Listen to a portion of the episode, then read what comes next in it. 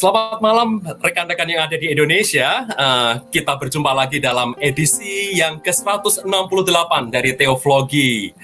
Dan edisi kali ini super istimewa karena admin Teoflogi hanya dua, sementara ada tiga tamu istimewa di sini. Nah, tapi saya harus stop berbahasa Indonesia dan sekarang saya akan menyapa rekan-rekan dan juga tamu istimewa kita dalam bahasa Inggris.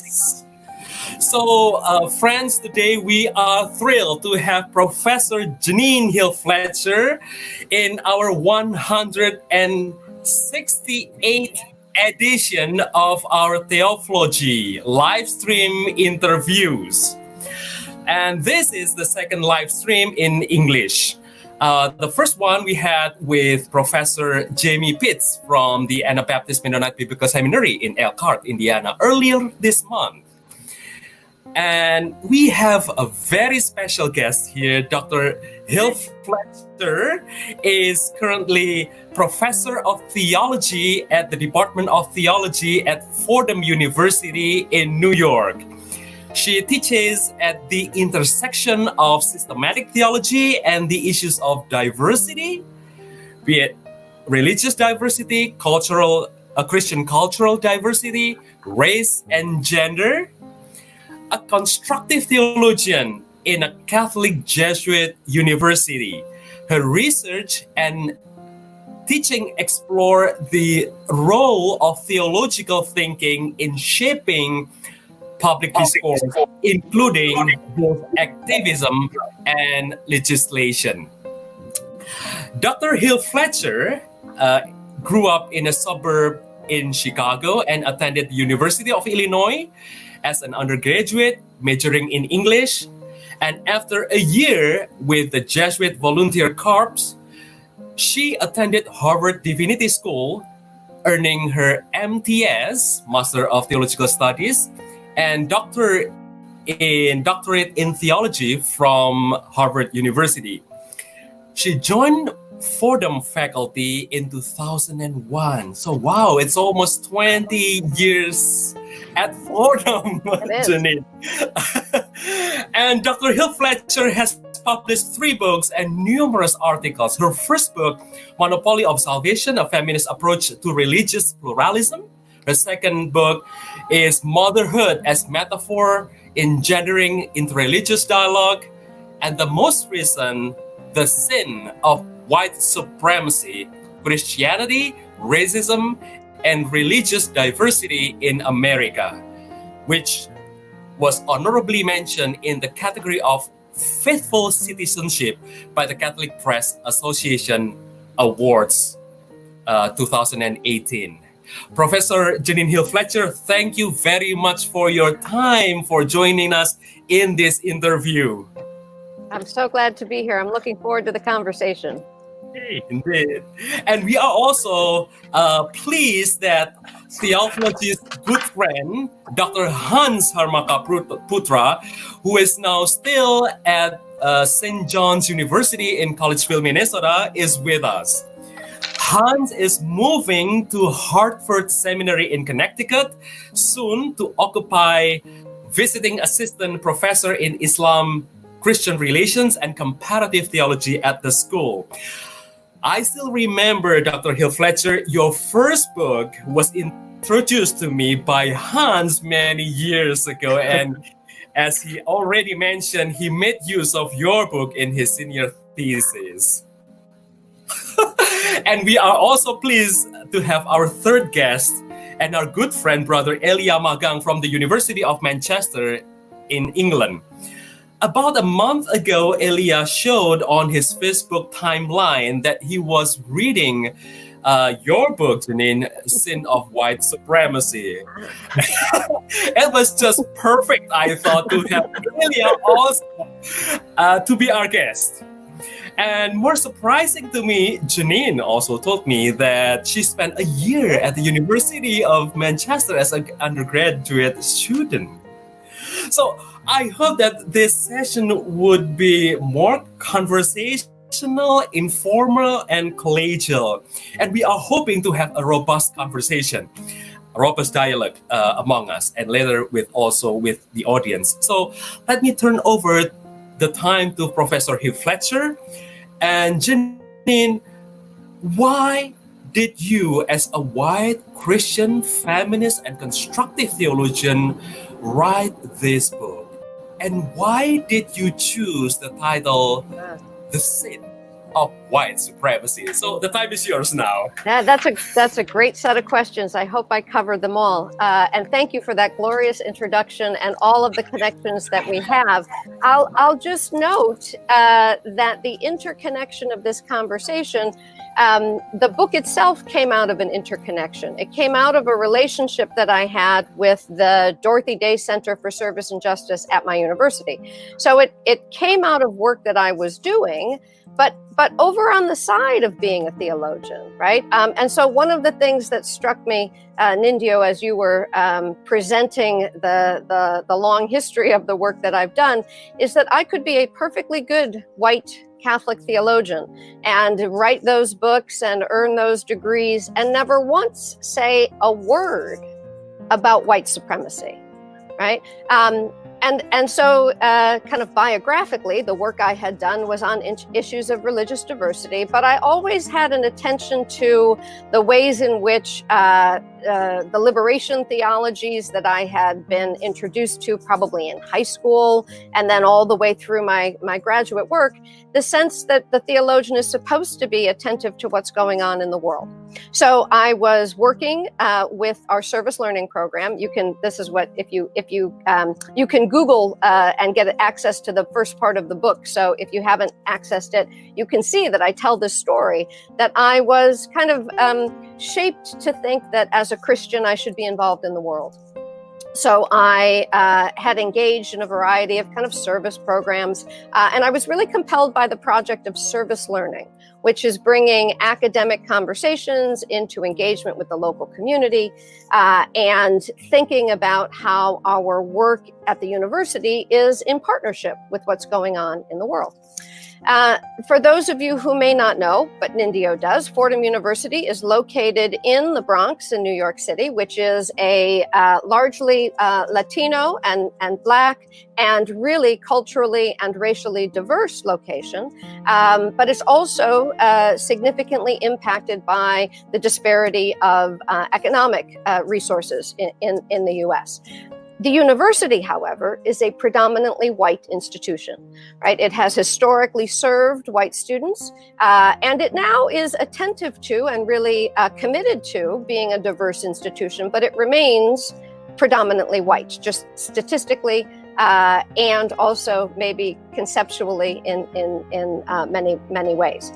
Um, so I was doing this work as a theologian involved in a local, the local community uh, uh, of, of color, as a white theologian, uh, and really recognizing the challenges that people in the community faced as being challenges of our human struggle for wellness, our human struggle for wholeness, and for access to those things that will make us thrive. Well, all of those realities are realities that the liberation theologian says we need to be attentive to. But for too long, white theologians have thought about their involvement in that reality from kind of the outside, right? That this is a reality that I need to be attentive to, but but what does it really have to do with me? Right? That this is this is a problem that I'm concerned about, but it's something that I choose to be concerned about, right? And I think that that was the pattern that we saw in the service learning program was that really good-hearted people, really good-hearted white Christians said, "Yeah, I want to be involved in transforming the world, but but I kind of have a choice of whether or not to do that, right?"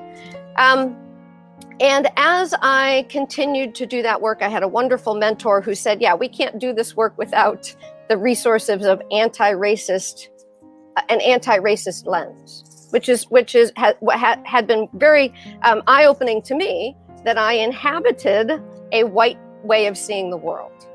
So with these uh, resources of anti-racism training and with the liberation theologians call to uh, be attentive to the world uh, I began a new sort of uh, education, right, that I hadn't really received as a theologian. And one of the most compelling moments in this education, I'll just share the screen to give you the visual of this. One of the most compelling moments in this uh, new education was encountering this data. So you need to let me know that you can. I, this is the first time I'm using the system. I, you need to let me know that you can see the slide that is the data on wealth in the U.S. You can see that. It would be better if you um, what is that? Uh, slideshow. Slideshow. Maximize slideshow that Jeannine. Slideshow it. Next to animation and review. No. Oops, it's gone. Okay. Um, once I share it, I can no longer see the things that. So let me. Maybe you can help me. I will share it. Yes. Uh, yes. You yes. can see that. And then, yeah, the third button uh, at the yes, that one. Okay, so that is what I had done, but it did not change for you. Oh, it, it didn't work. Okay. Okay. Mm, So you don't see it as a big slide. yep. Yeah, we don't see that Or as a big, big Do you want me to operate the slide? Sure. Yeah, why don't we Okay. why don't we uh you have Okay. the slides? Yes. Yes. I have. Okay, so Wait this for is- a moment. This is this is big anticipation for those who are watching, right? What is the slide? All right, the next slide. The next Okay, slide. Awesome. This is the The slide. next one. Yes. Okay. Awesome. Well, all that drama was, was worth the wait. Um, I I knew that economic disparity was a reality in my world. So this is data from the U.S. I I knew that poverty disproportionately impacted uh, people of color in the United States. Um, but I didn't experience it as the very structure of the world that I inhabited. I experienced it as a problem of some communities. I experienced it as something out there in my world, but not something that that that was directly uh, related to my experience in the world until I saw this data. Hmm. And the sheer um, the sheer clarity of the sinful reality that some members of my society can have 20 times the access to well being measured in wealth than their neighbors. And that this didn't happen by accident. This happened out of a history that dedicated resources to white citizens and kept Mhm. people of color from access. It was it was this data that that helped me to say to see that I was living in a world structured by white supremacy. Right, that white supremacy wasn't something that the neo Nazis were uh, only responsible for, or the KKK. But if I, as a white person in this country, inhabit a location that has benefited from a full history of dedicating resources to white citizens and, and keeping them from people of color, then I have to own my own embeddedness in the reality of white supremacy. And I have to name it as a theologian as a condition of sin, a condition of, Hmm. a condition of sin that everyone in my society is responsible for. Not those who are negatively impacted, but those of us who have positively benefited from this sinful situation. Right? So, those theologians who help us to think about structural sin, right, uh, helped me to read this reality as something that was calling me to respond, right? Not out of the goodness of my heart, but out of my out of the depths of my own um, embeddedness in this sinful reality. Um, so the the book essentially is my attempt to make sense of this reality to help other uh, to help others see this reality and then from a christian perspective to respond and to engage in this reality um, so the next uh, two slides um, just provide uh, yep if you uh, if you pause on this slide here uh, they just provide some of the theoretical framing of the book right when we think about white supremacy or we think about racism we too often think about it as uh, a particular form, what Camara Phyllis Jones describes as the form of personally mediated racism. And if you advance the slide one more, you'll see that I've underlined the centerpiece here that, that most of us, I don't know if that's accurate, but many times, right, when we think about racism, we might be thinking about these individual acts of prejudice and discrimination right and and surely white supremacy is manifest in that way but that alone doesn't help me to make sense of that data slide of economic inequality along racial lines. So Camara Phyllis Jones offers another form of racism. If you advance the slide, you'll see she wants us to be attentive to institutionalized racism. Advancing it once more will give us the underlining here, right? That institutionalized racism isn't isn't just the interpersonal encounters of meanness or discrimination institutionalized racism reflects more that slide of a differential access to the goods services and opportunities of society by race it's this form of racism that is the racism of white supremacy that I am deeply impacted by, and that I wanted my readers to really share in this perspective of us all being responsible for it. But institutionalized racism is very difficult to see. So if you advance it once more, um, and you have to keep advancing to one, two, three, you'll see on the left hand side right? That personally mediated racism is this form. It's interpersonal, it's it's it's actions, it's visible. If you keep advancing to that other side, you'll see mm-hmm. that institutionalized white supremacy is structural, it's systemic, and it's often invisible, which is why white Christians don't feel themselves responsible because they can't see it. They can say, well, I'm not mean to people of color. I'm not engaged in those discriminatory actions, right? But if I benefit from institutions, right, that direct resources toward me and deny them to people of color, then I am involved and I am responsible. So, the project of the first part of the book is really trying to unpack that structural systemic lens. And I'll just advance a few, the next slide to give you a sense of how I tried to do that. Uh, that this reality isn't a reality that dropped from the sky. It's a reality that is that comes from out of a history or a sedimentation of racial inequality. And so the first part of the book is trying to uh, uh, um, illuminate that, is trying to make the case that if we look in a particular way at our history, we will see this. Advance um, one more, and then this is going to go rather rather quickly here. That institutionalized white supremacy can be made visible, right? If we read our history in a particular way, if we see the way that U.S. legislation gave differential access to the goods, services, and opportunities of the nation uh, along, along racialized lines. And all of that is important. And all of that is uh, was part of my own uh, re-education. Um, but I also did not see that Christian theology and Christian ideas and Christian scripture was actually informing this legislation in the broad periods of US history. So I have just four slides that will give you a sense of what I tried to do in my work.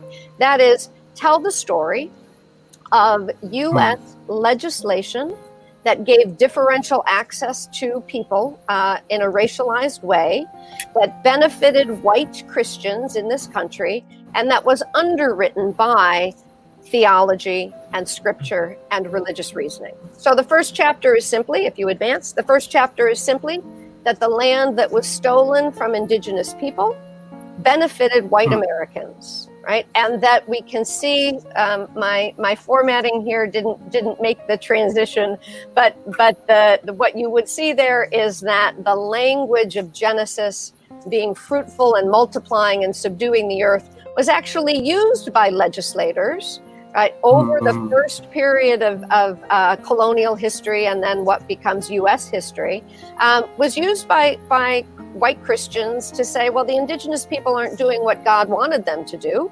They aren't fulfilling that command to be fruitful and settle and multiply and subdue the earth. They are living in a different way on this land. And what God designed is that Christians, right, should discover this land and should supersede the indigenous nation's right to occupancy. And that was actually written into US law in 1823 with the Johnson v. McIntosh decision.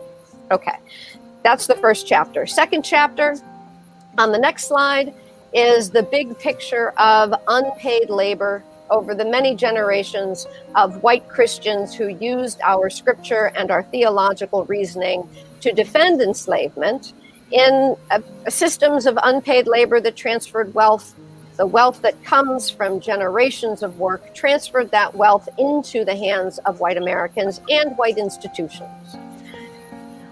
That chapter is an important chapter that I never learned as a theologian. And so, reading that chapter through the lens of the theological underpinnings of the economy of enslavement was another piece of my uh, re education two more chapters of my re education. The third chapter here uh, the ways in which legislation in the 19th century empowered white citizens. Again, something like the Homestead Act, which transferred land uh, and opportunity to uh, from indigenous peoples and their relation to the land to white citizens in the U.S. But also things like establishing land grant universities and the system of public education public higher education through that land transfer, right? So we're seeing in this history the transfer of resources from people of color, from indigenous people to white Americans. Um, and in this legislative chapter, Christian theology being used in lots of different ways. Uh, and then the final chapter that I would include here as we move into the 20th century the way in which legislation that helped homeowners build their wealth in the 20th century, which is uh, in the US, homeownership is, I think, the single most important element in a wealth portfolio. Uh, that homeownership uh, that hmm. was uh, supported by government programming, government programs, was uh, provided access to wealth building for white Americans, but the very uh, program itself was uh, enacted in such a way that it was embedded in systems of white supremacy, ideologies of white supremacy that denied access to mortgages to people of color through the project that's known as redlining, but also through mortgage lending manuals uh, that ran all the way through the 20th century. So those are some among the major chapters of the the um, uh, of my re-education uh, that helped me to understand a little bit better. I think if we go to the next slide, it returns us to that sedimentation of racial inequality and so the uh, book is aimed both to illuminate that reality, to call white Christians to feel responsible for that reality, and also because of the benefits that white American Christians have, have received from that unjust reality, uh, but also to call theologians in a particular way to task. The way in which our discipline made all of this transfer of wealth and opportunity reasonable uh, and in fact justifiable, and even a project that was seen as part of God's will for the nation. So I think that brings us up to uh, speed with kind of the foundational uh, project of the book. Uh, and I think that I can now uh, stop sharing the screen and uh, ask our our colleagues uh, who uh, have been thinking about this with me uh, to help us open up some other spaces from this. Um, and, and my question to you I don't know if I was supposed to do this, but here I go. Uh, my question to you is: um, in in what ways does the does does the knowledge of this history give us a place from which to ask theologians to do some sort of work? Right. That the whole point of the book is: look, I never knew this history. I never I get my book. I never knew this history. I never felt responsible for it. Right? I could be a white theologian and I could talk about God and church and Jesus, um, and I would never ha- once have to talk about uh, this devastating structure of the humanity that I inhabited. So, so I'm, I'm curious if there are folks who uh, uh, have some thoughts about what the theologian is supposed to do in light of this. Hmm. Yeah. Please, Hans. Yeah, thank you very much, Jeannine, for, for the presentation. Uh, responding to your question, I think one of the things that theologian can do is to interrogate the uh, their assumption regarding race, because I find myself, I feel myself uh, that theologians often do or often uh, repeat the colorblind uh, rhetoric, and that implies their way of teachings the student, and it reflects on the syllabus.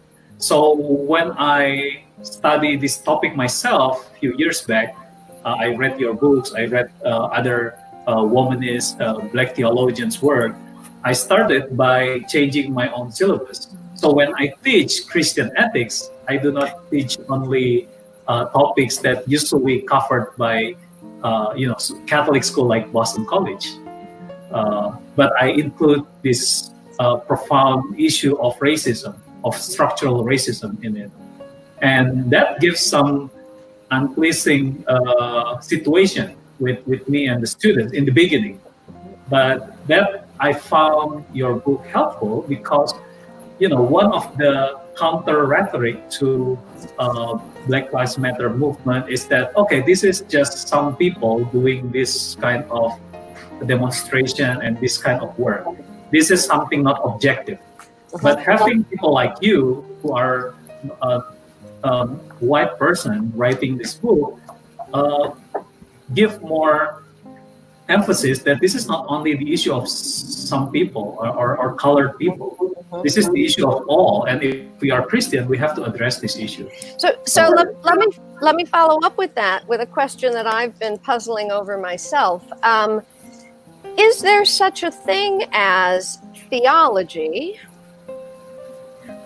without attention to our racialized locations in producing that theology, right? So my generation, and, and I, I, I, I hope things may have changed by the time each of you have been going through uh, your training, but my generation, it was, well, here's theology, and then we have contextual theologies over here, right? Mm-hmm. Um, and so that fundamental um, recommendation, Hans, that you're making, that theology can't be colorblind, right? And that theology never was actually colorblind, but that we might have to rename some theology mm-hmm. curricula as white theology.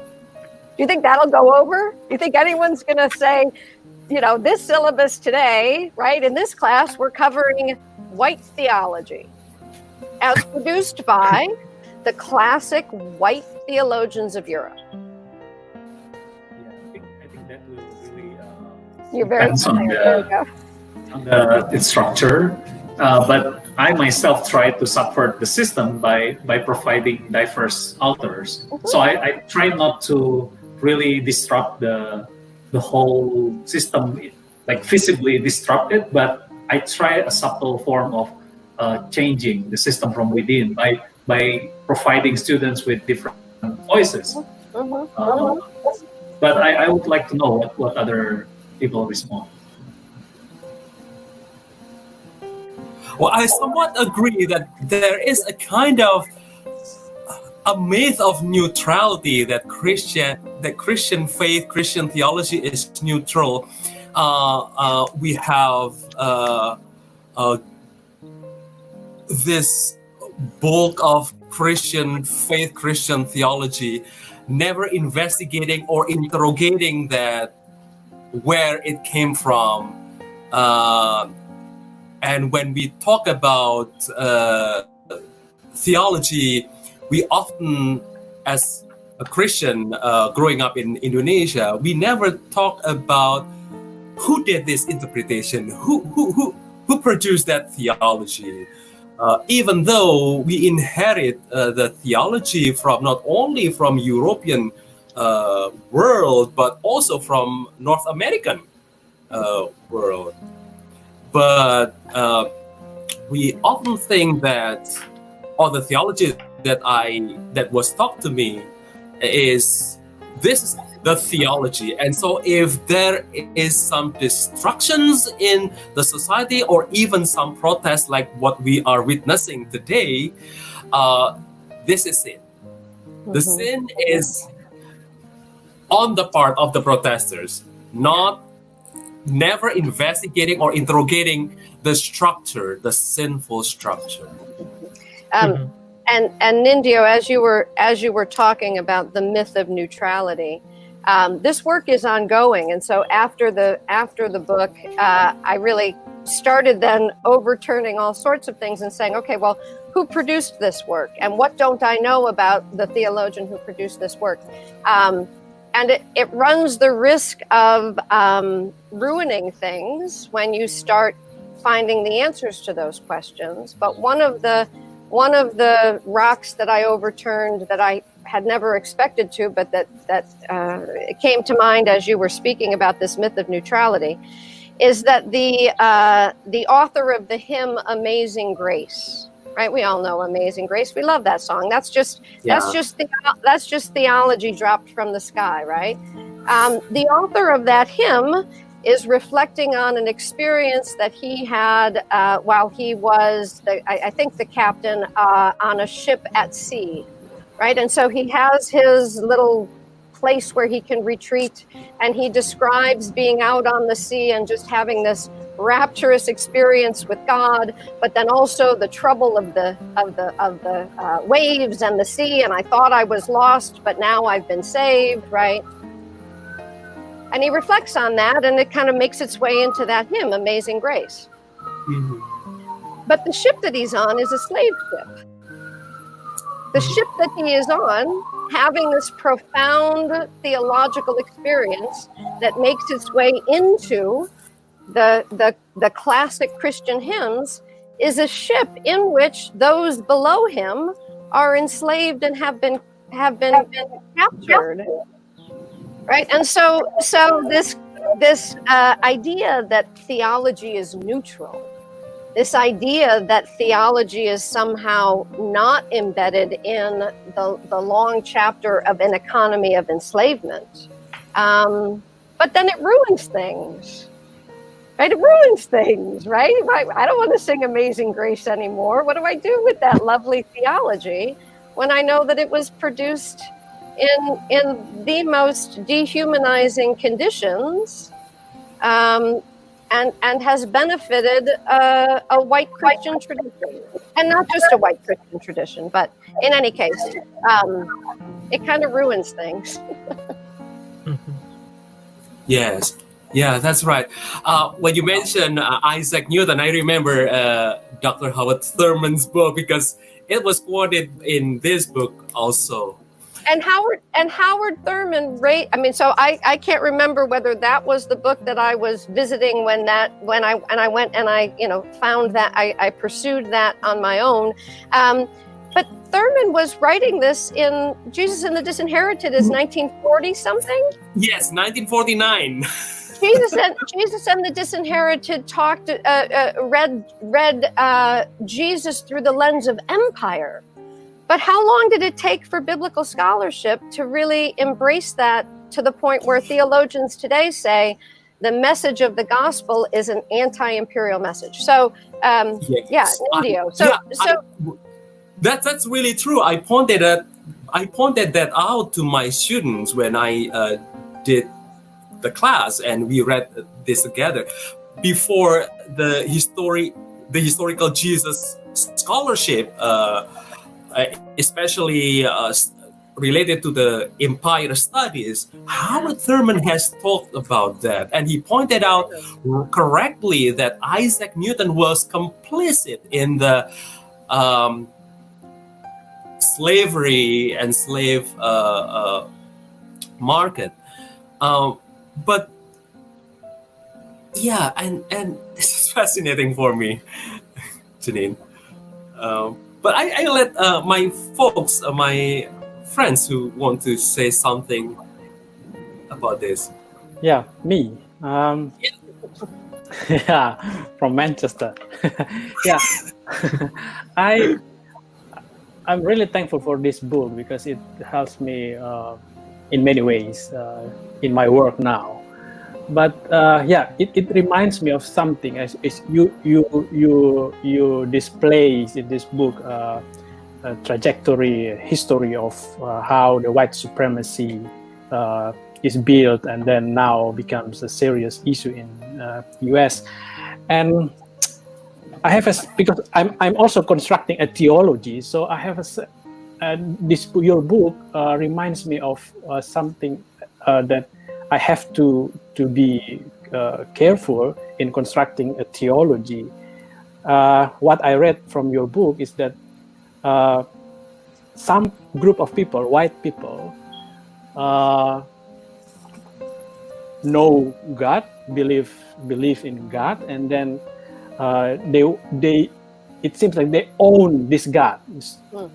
So it's it it's not only about land ownership but also God Mm. ownership. So Yeah. they were they because they want they think that God do, does everything for them for their interest and then that lead that leads them to like to manipulate the bible the scriptures as if the scriptures is the way god works for their interest Mhm. so from their ownership and then they own god and they manipulate god to fulfill their desire their interest and so on. So i think uh, for me as a theologian that yeah I, I learned that if you want to construct a theology if you want to do theology then you cannot uh, do it uh, yourself as if god is your object and then you you try to comprehend god you master god because it it has a tendency to ten, tendency tendency to to to make me manipulate anything that I learn from the Bible to to support my idea, my ideology. So yeah, that's that's the point that I think uh, is important, and I find I find you offer some some uh, uh, fundamental point for me for myself. You talk about uh, the ghost ghostly grace Oh, in chapter five.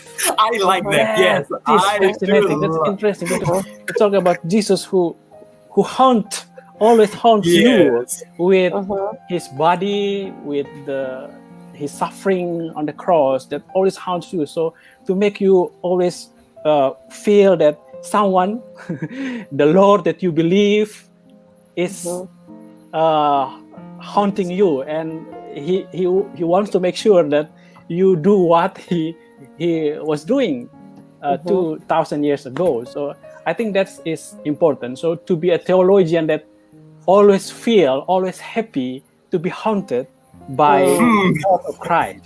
Mhm.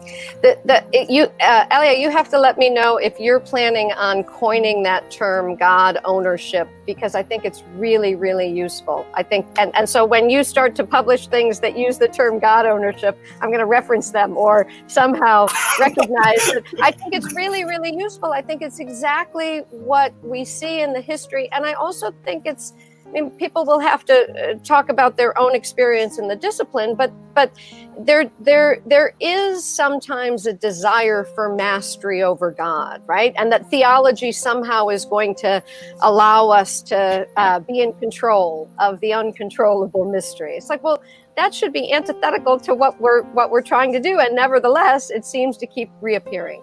It definitely is what has happened in uh, Christian history in in the U.S. Right, this sense that you know, of course I know what God wants, right? And God wants the well-being of of, of me, right? And so the the kinds of ways that the gospel is interpreted to to um, elevate the the winners, right?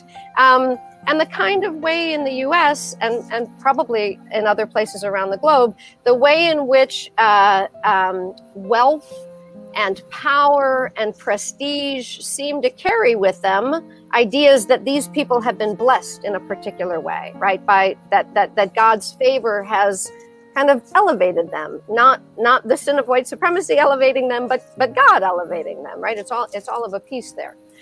But the the the the and I think that I probably experienced this quite powerfully from James Cone in his cross in the lynching tree uh, with the with the, uh, the the God who haunts us, because the Christian affirmation isn't just about a God who cares for humanity.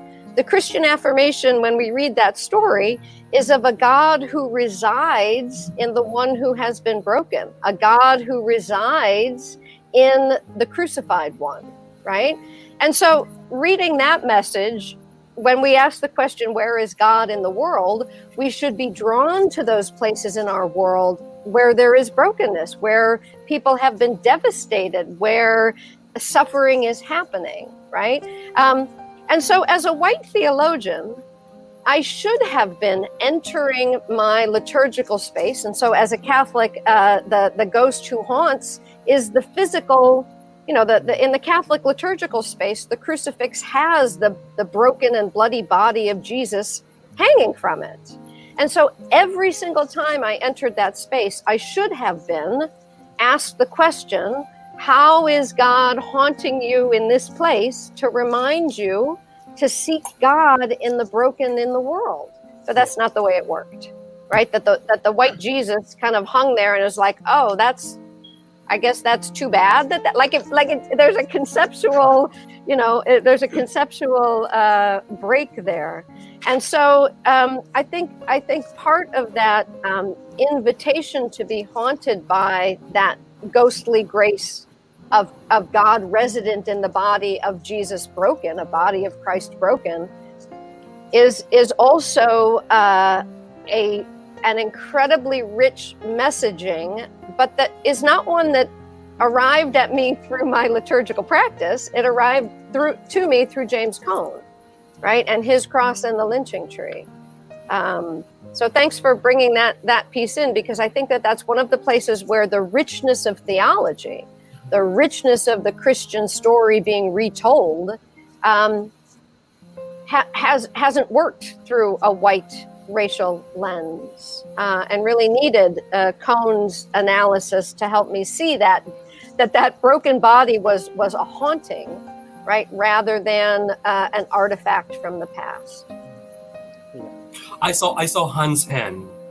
Yes. Uh, so I want to follow up this uh, point. So when when I or when people read your book, there is a strong uh, emphasis on the sin of Christianity, right? What what's what what Christianity had done wrong in the past related to racism, and I think some people uh, usually argues that well that's in the past. We should not just you know throw the baby together yeah. Uh, with the water.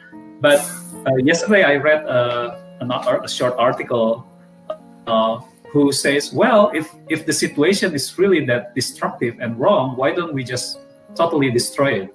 But as a Christian, of course, I don't want to destroy Christianity. So I found uh, listening to the voice of the crucified people really helpful in this matter. Uh, I remember Kelly Brown Douglas' uh, Black Christ book. Uh, it's been published uh, many years ago. But in there, she provide narratives of how, of how uh, black people appropriate Christianity that is different from the slave owner Christianity. Uh-huh, uh-huh, uh-huh. Uh, so instead of just uh, reading several passages, they, they take the, the core of the gospel that is liberation and freedom, and that, and that they keep it in, the, in their heart. And I think this is something that for Catholic theology, I'm not a Catholic, but I studied at Catholic University, so I know a little bit of Catholic theology.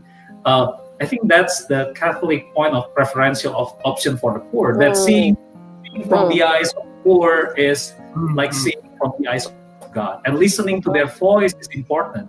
And that relates to the issue of neutrality. When when people just say this theology is neutral. There is no there is no uh, racial aspect in that. No, if you see it from the experience of the people who are oppressed, who are crucified, you see that there are troubles. Mm-hmm. And uh, listening to it and trying to uh, repair the situation, and by repairing means you have to destroy something, uh, that might be the, the the, the, the future of Christianity by listening to the different uh, uh, people and and try to adjust to to the, that perspective and not just holding the Christianity that built from uh, one perspective. Mm-hmm.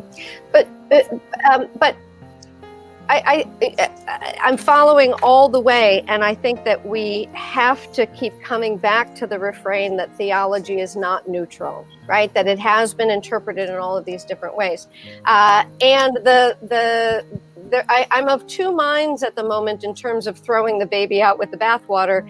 That the that the um, that there is a reclaiming that goes on in our constructive work um, that isn't quite throwing everything out.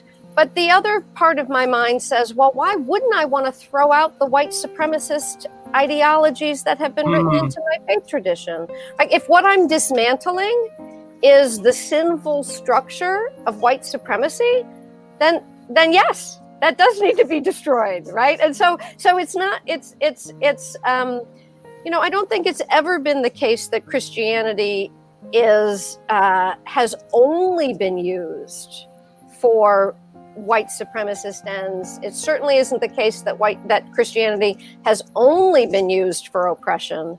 And so that that hermeneutic lens of the preferential option for the poor, but but how many how seriously do we really take that? And I and I own my own North American context, right? And I own the ways in which that gospel is um, articulated and it is mobilizing people, and it continues to run you know, all the way from the founding of the country to today, the liberationist approach, where people have said the white supremacist interpretation of the biblical text is not the gospel, right?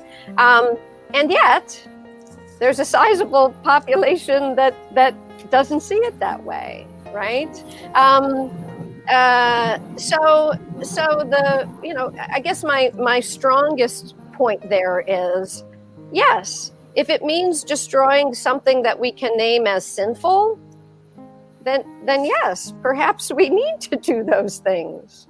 Um, and and so this goes back to the question that I think Nindyo posed: Why do I name it the sin of white supremacy? Right? It's not just an individual failure. It's not just mean-spirited people. It's a sinful reality that we are embedded in.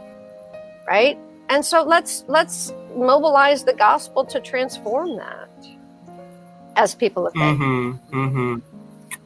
Um, uh, then my question, in reading again your book, uh, you talk about the sinful structure of white supremacy. Uh, and uh, what I hear from you is that white supremacy might not be redeemed because mm-hmm. it is very destructive. Right to the society. But then, what does redemption mean as a constructive theologian? Is it your next project then? I don't know. Right, but yeah. I'm, I'm intrigued to, to, to ask that to you. So, what yes. is your next project? Oh no, no, well, not that. No, no, no. And I think that this is mean.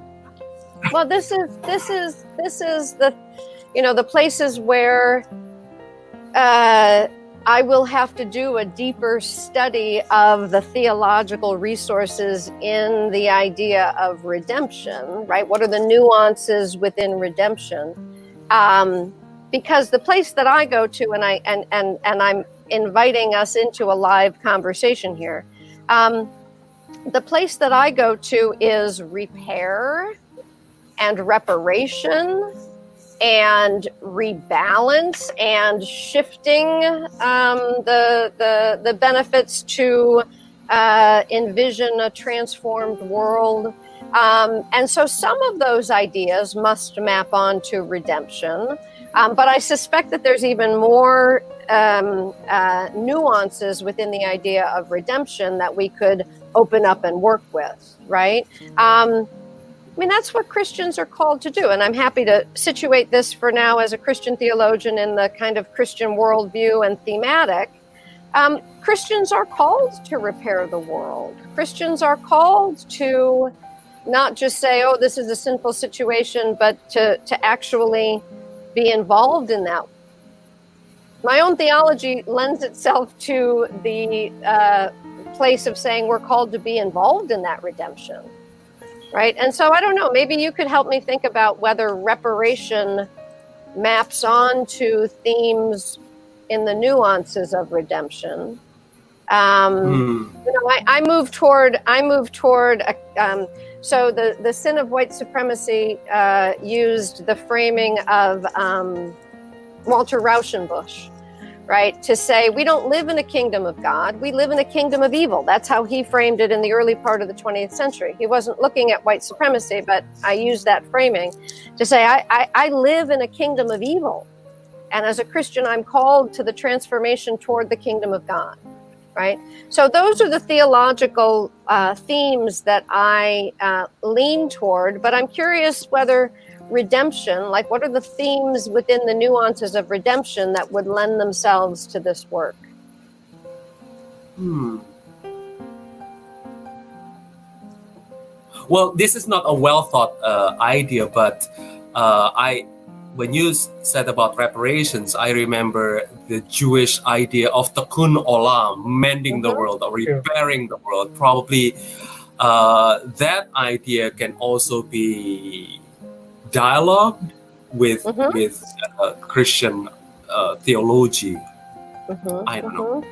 Mm-hmm. Mm-hmm. mm-hmm. But I guess it would. Yeah, go ahead. Yeah. no, I think uh, confessing. No, I, I mean, while I'm reading your book, I think it's uh, the most interesting part for me is like you're a white people, but you're confess that there's a problem with the white society. I think that part, just confessing uh, there's a there's something problem in my own society. I think that's part of redemption. Mm. That's my thought, I guess. No, no. Uh, what why I say this? Uh, mm. I heard an opinion say that uh, like if there's a racism, the problem is not from the Christianity itself, but it's, it's just uh, people who use Christianity for their, their own benefit, like that. Mm-hmm. Mm-hmm. But I think uh, from I'm re- uh, while I'm reading your book, the problem is not only the people but also the Christianity. Mm-hmm. I mean, mm-hmm. in the white mm-hmm. space, I think. So yeah, so for for me, uh, confessing our crime, confessing our uh, sin, I think it's part of redemption for me. That's that's a start. But but but uh, you've also just opened up one of the. I'm really glad you brought that in because uh, that because that is one of the theological commitments that I make. Um, is that the, in the history of the U.S., Christian supremacy, right, was a foundation for the racialized categorizations of white supremacy right? So the the uh, the the ideas that we might have to be uh, willing to um, uh, let go of is the very idea that Jesus is the best, to put it yeah. you know, kind of simply, right? And so the so the question of uh, you know what are the ways what are the ways that Christian theology might need to be rethought? Can we be anti-racist and still mm-hmm. hold on to the idea that Christianity is the best religion. Uh-huh. Well, that seems to be uh, rather contradictory. yeah. But it will require Christian theologians to really um, revisit the central claims of the tradition. And I don't think that we're doing this from nowhere. I mean, there's been generations of comparative mm-hmm. theologians, right? Um, and Hans, maybe you would want to say something, right, about you know, just the, the intersection in this country of uh, racial diversity and religious diversity. Well, one of the one of the reasons why um, the the many and widespread attacks on people uh, in the tradition of Islam, right, is because of a Christian hegemony and a Christian notion that well, they're not just people of other backgrounds and other races, but they're also not Christian I mean, I don't know if you have any insights that come from out of uh, the comparative world on what needs to happen theologically. Yeah, definitely. Uh, I totally agree that somehow uh, racism and white supremacy is linked very strongly with Christian supremacy, as you stated in your book. Mm-hmm. And as someone who studied theology of religions, I also aware that Christian theologians have been uh, critical to the ways in which Christians uh, portray uh, the status the status of other people in their eyes. And I would say that it's it's it's totally uh, well. How should I formulate it? I would say that it's it's hard to say that Christianity it's not the best religion because it's something more personal. So I, I use the lens of epistemology. So when, when I say Christianity or Jesus is my savior, uh, I see it from the lens of language that, that that's the grammar of faith that nurtures me and from from which I see the world. However, I cannot just see other people uh, and their experience from my own perspective, and that's I think uh, the the the positive point of comparative theology because as a Christian, I'm willing to dig deeper into the Islamic tradition. In my case, um, I study Islam. I really see Islam from the perspective of Muslims who uh, who see that the sources, who see their history, and not as a Christian. Mm-hmm. And then that helps me to, to formulate my own position uh, and interrogate what's wrong with my own with Christians' perspective toward Muslims. Yeah. Um, and I think that that is one way to uh, to solve the issues of, of Christian supremacy, because uh, we can find uh, the language of uh, salvation in, in in in many religions. But uh, Christianity has an issue with power because of colonialism. Uh, mm. That makes Christianity uh, above the others in terms of power, and and mm. and could be able and and and be able to impose their perspective to others. And as a result, you can see the language similar to Christian supremacy uh, develop in other religious mm. traditions. Uh, so maybe that's my uh, initial response. But this is very yeah. interesting. That would be a, a different uh, topic. Mm-hmm. Yeah. Mm-hmm. But but to give you a context too, Jeannine, uh, as you know that uh, in Indonesia, known as the largest Islam Muslim population in the world, whereas uh, Christians are minority mm. in Indonesia, uh-huh. The story can be quite different from from the yeah. U.S. Right? Yeah. yeah. Uh, in one way, Christianity came to Indonesia as a colonial uh, religion, but since Christians are minority, what I get is people need a kind of security, a kind oh. of identity, and they find this in, in, in Christian theology or in Christian faith. Yeah. Uh-huh.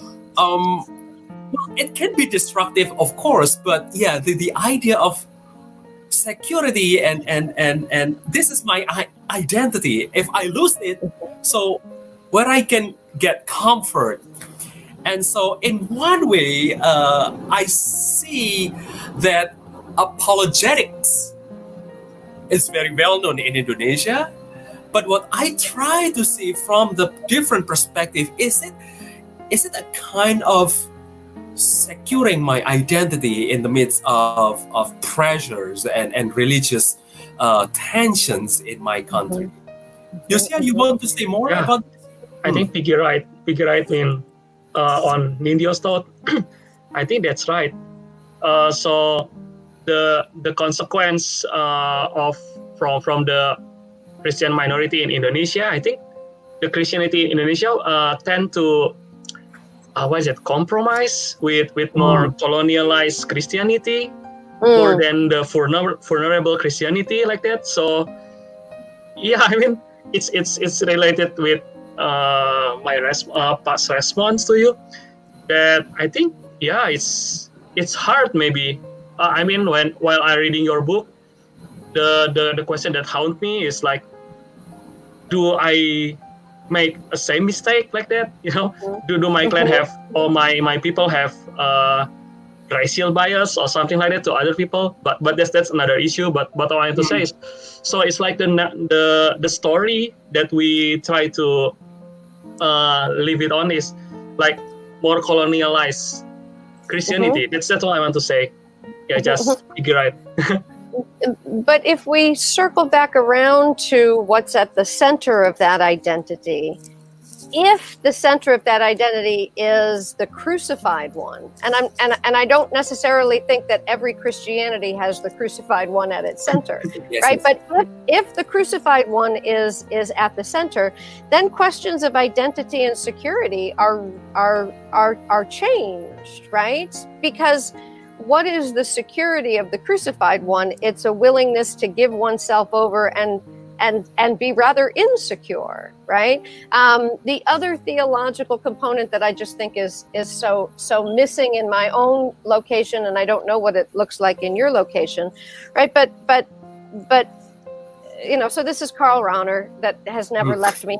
He, he haunts me as well. um, that that my security and my identity are in the face of this vast ocean of mystery. Like, well, what kind of security and identity is that? It's like, no. So I, I can't help but go back to the line that I love the most from Rahner, which is his opening from um, Foundations of Christian Faith. What do Christians love more? Our, our island of so-called knowledge, our security, our identity, or the or the or the ocean of infinite mystery, which is his name for God. Like, what do we love more? Right? And so I I, I, I know that the, the context is quite different. Um, but I'm but I'm wondering whether the interpretive emphases, right, Right. um, aren't kind of showing patterns of a Christianity that tries to ground itself in security and power, and a Christianity that's willing to uh, think about security and identity in a different way. I, I like that. Uh, what I hear from you, Jeannine, is that this can be an invitation to revisit uh, tradition from our respective traditions, like mine as a Mennonite. Probably the center of my identity or my uh, faith tradition is uh, the life of Jesus. And when we see the life of Jesus and the teaching of Jesus, so uh, what does Jesus teach, and uh, and with whom Jesus uh, walk, and and and with whom Jesus uh, talk, and and what is his idea? I think that's really important to revisit uh, uh, the core of our tradition. Mhm. But Nindyo, if you oh sorry, Elia, you want to go? Let me let me just make one point. If Sure. you read if you read that life uh, of Jesus through an anti-imperial lens, or even just the lens of empire, right? Uh, and then you come back to our discipline and you ask, does our discipline walk with those who have been crushed by empire, or does our discipline trade in the power of empire? Um, I just think that your your invitation to go back to the life and teaching of Jesus, reading that through the lens of empire, might put a different light on the work that theologians do in our various locations of empire. But Elia, you had a had a uh, I want to push back to what uh, uh, the context of Indonesia, and I I agree with uh, Hans that uh, the issue of power is is very important. And although like Nindyo and Yosia in uh, Java, their Christianity huh? in their place minority, but in yeah. my hometown, my place in eastern yeah, part of yeah. Tim, uh, eastern part of Indonesia, in, in East Nusa Tenggara, we are the majority, and mm. we have the sense of power. We we are the majority, and yeah, our history with the colonization it it influences our our mentality as Christians that we have mm. power and we can do everything with the power we have. Mm. That's why I think uh, your your notion of the ghostly grace is very mm-hmm. uh, fascinating for me because I in Indonesia in my context I have the privilege as a Christian in my hometown mm-hmm. we are the majority so uh, what is important for me is to be haunted by the the the unsecurity mm-hmm. Jesus who who, who is mm-hmm. not who is uh, vulnerable who is not secure so that is important for me in my context. Mm-hmm. Yeah. Oh, cool. me too. Jeannine, shall we open up from uh, the floor? There are some sure. responses and questions. This is from Dr. Arvin Gouw um, from Stanford. Uh, do people adopt Eurocentric theology naively and uncritically because they assume it to be biblical? Mm-hmm. And then second question, thanks, Dr. Hill Fletcher. Do you see the Bible being abused consciously or unconsciously in the U.S. history to defend certain yeah. oppressive theological notions? Yeah. Um, so uh, I think I, I, can see that those two questions are related. Um, and and I think that I would focus in for the moment on unconsciously in relation to both of those questions. I think that white theologians who have been trained with Eurocentric theological traditions, um, I, I don't know that they think that it's necessarily biblical, but I do think that they see the that, that they experience the power resident in those Eurocentric forms of doing theology.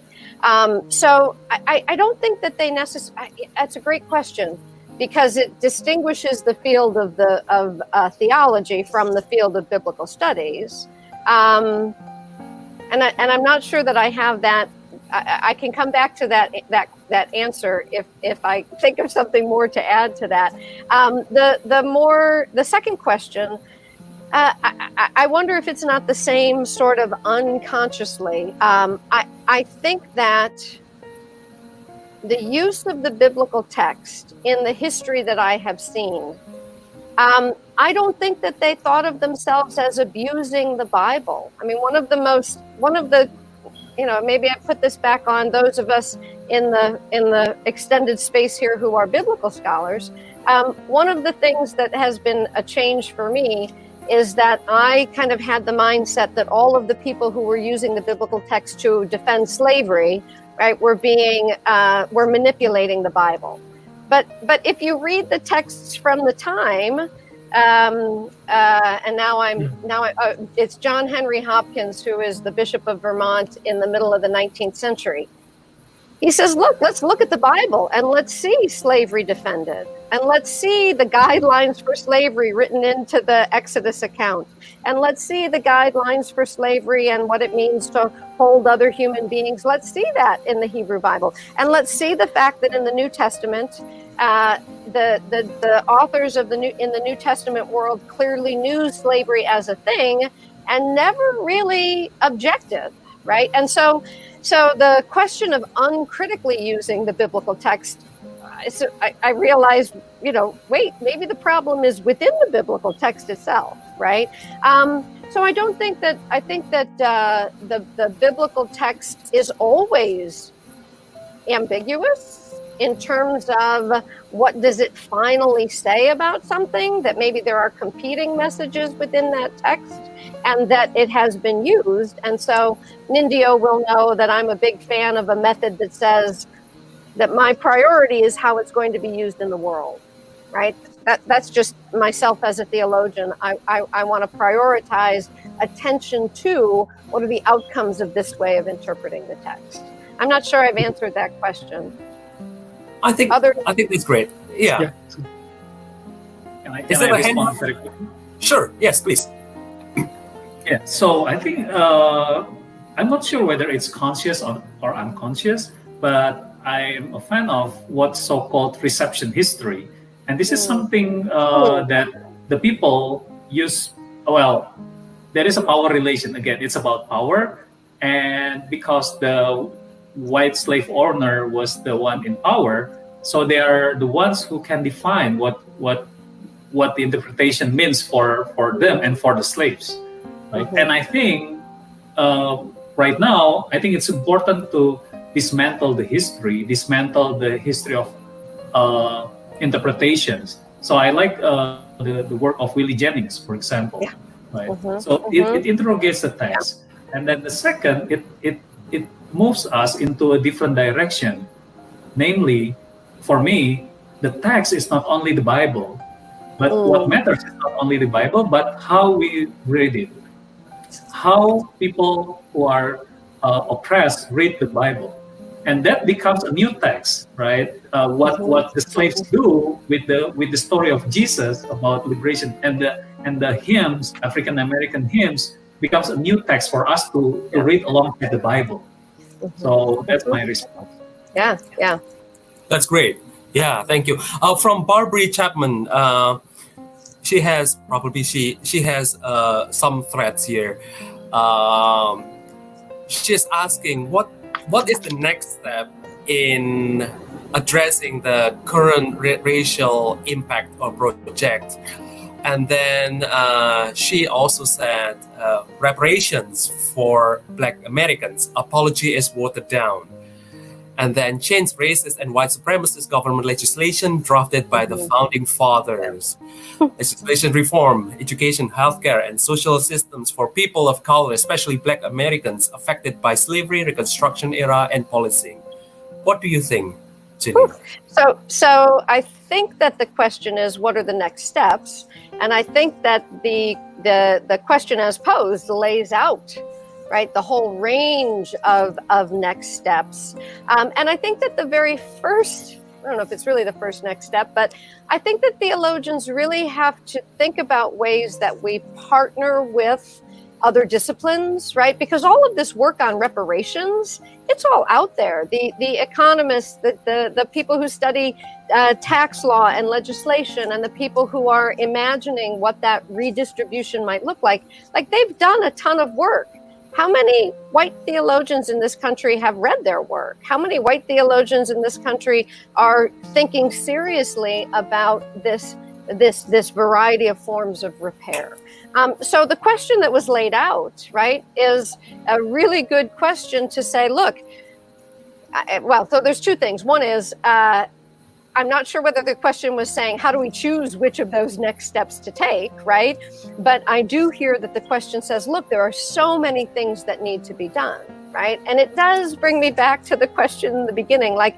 Should every theologian be somehow trying to address this in our context? If it's if it really is the structure in which we live, um, and the next step for for me uh, in relation to the, the question that's been asked is to think about to think even further about the ways in which that legislation from the past has created the conditions that continue to support my thriving through institutions right? So so what are the ways that not just that this is a past history that has uh, done damage uh, to members of my community in the United States, but what are the ways that this history has actually empowered me, right, through the institutions of education, through the institutions of uh, the church, right? And so to be responsible, I think that, I mean, I, I think part of the project right now is looking at my own church, looking at my own university, looking at my own neighborhood, and asking the question okay, if I benefit from these institutions,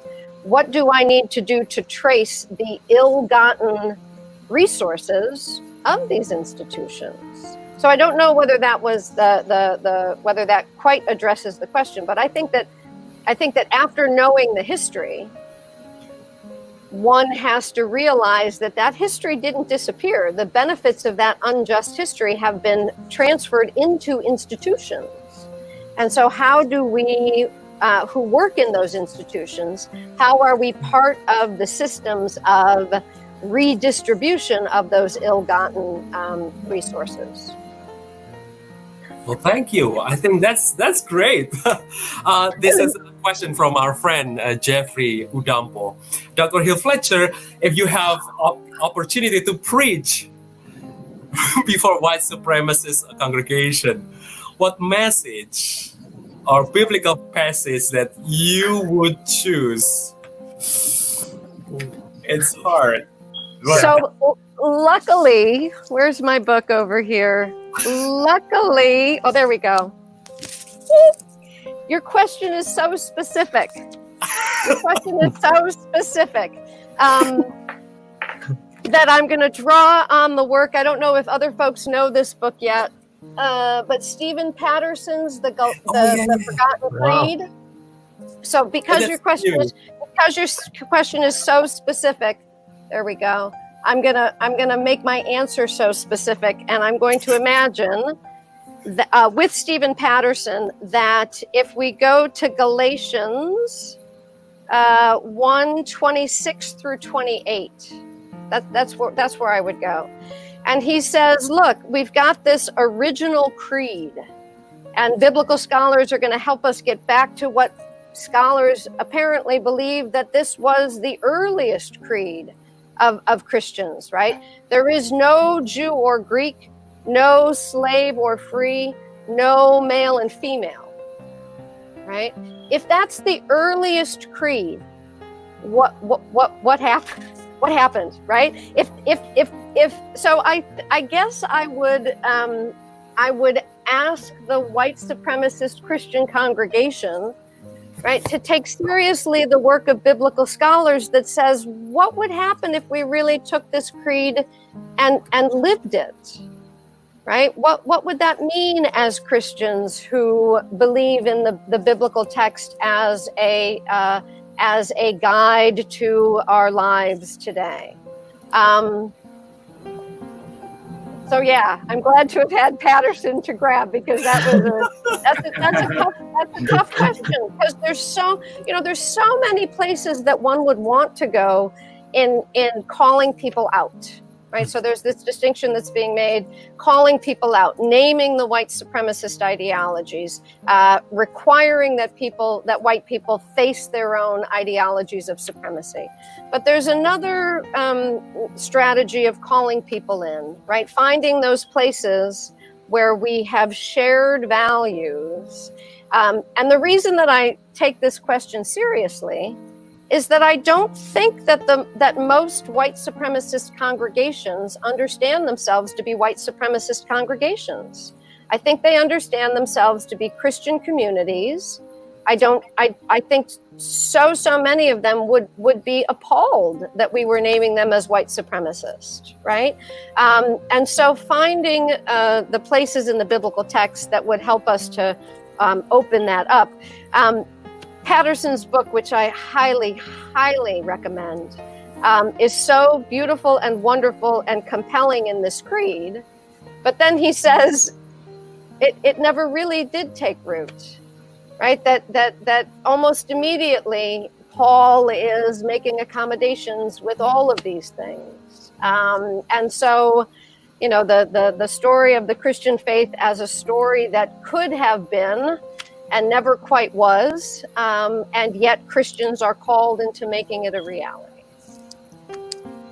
I don't know. You, you, can line me up. You can line me up with those white supremacist congregations and see if they But it, it, it, it is fascinating that you pointed out uh, Galatians 1 as the earliest uh, creed, I think. Yeah. Uh, uh and that makes uh, the question from Bunglon theology uh, can also be nuanced. I, for me, uh, what does it mean to have uh, uh throwing. Yeah, what does it mean Yeah. to, to have Yeah. the, the the throwing out uh, the Well, creed? Like Yeah, yeah. Um, Nicene Creed, is it white?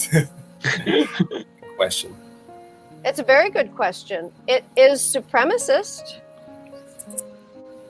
Uh, it, it states rather clearly that Jesus is the only Son of God, right? Uh, and so I do think it has the seeds of supremacy all the way back to the Creed. Um, but it also has the, the, the seeds of anti supremacy. Right, I was, I've, I've been compelled, you know, I've been compelled by all of those places in the creed that, you know, do I believe that God is Father? Right? As a feminist theologian, right? Do I believe that Jesus is the only Mhm. Son of God? Right? Um, but then I get down to the part of this about the Spirit, right? The one who has spoken through the prophets. That's a God I believe in, right? That's a God that I think is at work in the world. Um, and so the question that was that was asked, what do we throw out? is a is a really it's a really and I and I think that I maybe I revisit that. Um, I'm not the work that I'm doing right now. I'm not sure we can tear down all of the statues that witness to white supremacy because as as a conversation partner once said, you'll just tear down everything that is right and, and and the truth of how deeply white supremacy has been embedded in our tradition um, is a significant challenge uh, and and ideologies of supremacy embedded in our tradition. Um, and so i'm not so sure i am i, I think that the elements of i think it's the strategy that that um, maybe hans referred to and certainly thurman presents. Like there are elements of the tradition that are not liberative and that i won't write forward right? But that that doesn't mean I'm going to get Thomas Jefferson's version of the Bible, which excises anything that I don't like for the moment. I think that I have to wrestle with that sinful nature of my own tradition. Um, Well, I think this reminds me of uh, Dr. Eboni's Howard uh, uh, Eboni Thurman's Eboni book. Marshall Thurman, yeah, Marshall yeah, Thurman's book, I think uh, she revisits the Yeah. Chalcedonian definition from Yeah. the perspective of womanist theologians, and I think Mhm. Being a womanist uh, theologian rereads uh, the Chalcedon, the Chalcedonian definition.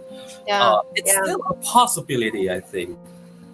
And I think that that's the ch- I think that that's the challenge, right? Is how do we inherit a tradition that has been used for particular ends, and how do we choose to continue to work with that tradition um, for ends that are that are more liberative?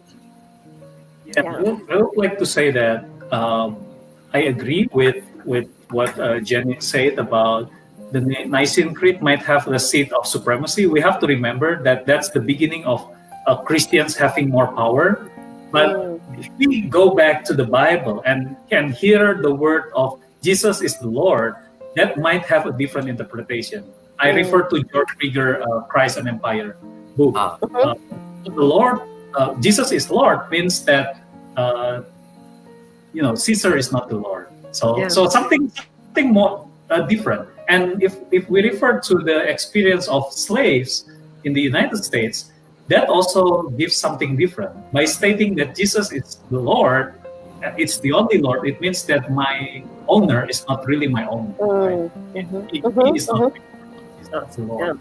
So there is an aspect of uh, interpretation that could uh, dive, uh, that could enrich our understanding of, of this Mhm. text. mhm, mhm. Great. Uh, Dr. Hill Fletcher, uh, this is a response from Dr. Septemmy Lakawa. She is the principal of Jakarta Theological Seminary, where uh, Hans got his uh, bachelor. So Yeah, yeah. It, it is really good if you get connected with Dr. Septemmy Yeah. She's also a feminist and she works in the area of trauma and theology. Mm, So yeah, the yeah.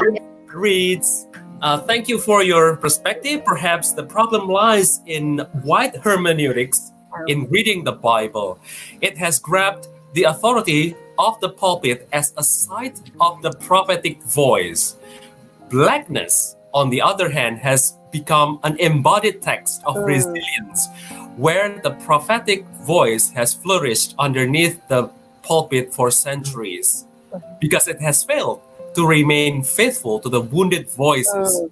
plus memories as they're shared the narrative of blackness. What the, the, yeah the the the element that i want to draw out of this is that i would like to have more tools for analyzing white hermeneutics. Um, i don't think that that that that uh, terminology was ever used in my training right? That it that it, it we, we're back to the place where we were in the beginning right? That some theology is just theology and these other things are are not. Um, and i'm pretty sure that it is a um, it's going back for me recently to i'm pretty sure it's a, a an essay from randall bailey in uh, uh, a collected volume called Stony the Road We Trod, which is African American hermeneutics, um, and and his lens of white hermeneutics that describes that it's not the, the it's not just the theologians it's not just the preachers who employ a white hermeneutic but that biblical scholars themselves right? And randall bailey does this in terms of, of the stories of, of the peoples of africa in the biblical text. And the way that white scholarship has said well it doesn't really mean people you know it doesn't really mean africans it really means you know people a part of the mediterranean world. Or that the, the the ways of thinking about the figures in the biblical text oh well if they're african that means they're disempowered. And he says no that's a white hermeneutic that's reading those expectations on the biblical story. And he says let's reread those texts and let's see the african nations as really powerful peoples in the biblical account right? So so um, the only thing that I would add to the to the uh, insight that's been posed is is the realization of how um, how deep the problem goes.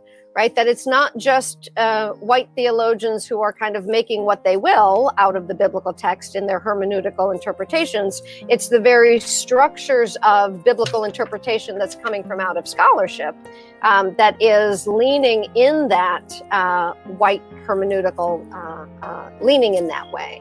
Um, but I think that there's a lot of work that we could do, right? And maybe that's one of the next steps is really kind of thinking about theology as a discipline that has been uh, formed in a white hermeneutic.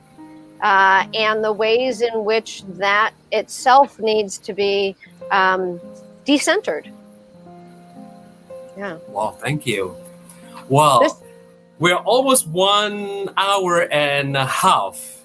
So uh, I think we should stop now. But my question is what next from here, Jeannine? If I may ask. Yeah, yeah. Um, uh, it's an interesting question, both from a uh, personal and a shared disciplinary perspective.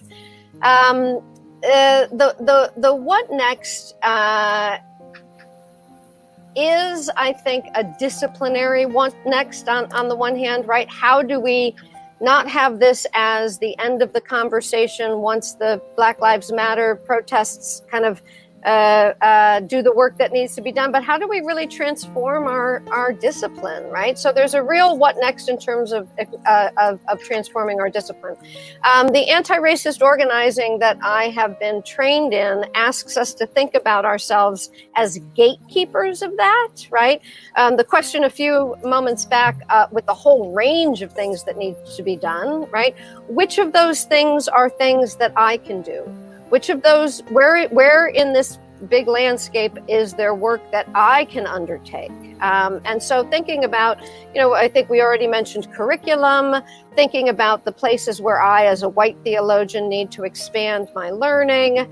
Um, but then in terms of professional and research trajectories um, I'm listening to the ghosts of my own institution, right? Uh, and really asking questions about what resources were taken from people of color in this country uh, and and used to uh, educate white people for the many centuries that is it really centuries uh, the many years that that that my own institution right has been a predominantly white institution um, so that opens up a whole lot of other uh, conversations that Nindyo and I will have about where the ghosts are found, right? And how uh, do I think about, or how do we think about our work as theologians within institutions that have benefited from various forms of white power, whether that's colonial power or the, the kinds of power uh, that have been part of my own uh, U.S. experience. Um, so, next steps are honestly continuing this conversation and finding those places that uh, that we can that that I can do this work, that I can do this work um, uh, in the company of others who will encourage us on. Um, so I, look forward to to future conversations, but it's there. A lot of them are going to be through Nindyo because he and I have a lot of conversations opening up in the future. Well, thank you very much, uh, Jeannine, for your time. Uh, I know that you have just finished from teaching and you you gave your you time. Know, but you all know that this is where it's at. When we come together and we say, okay, we do this work individually, how Indeed. do we bring ourselves together and do this work collectively? It's a real gift for me, right, to hear from you and to think about those places where we're pushing these uh, these this work forward together. So I'm I'm really grateful, Nindyo, to the invitation. I'm grateful to the 167 other episodes of this that you have, you and the others have put their time into. Uh, and I, yeah, I'm just appreciative to be part of it. Right. Thank you. I mentioned to you uh, back, I think, two years ago, and here we are. We have you in our session. Thank you very much again, Jeannine. Yeah. And thank you very much. Thank you. Thank you, thank you for with us. Goodbye. Goodbye.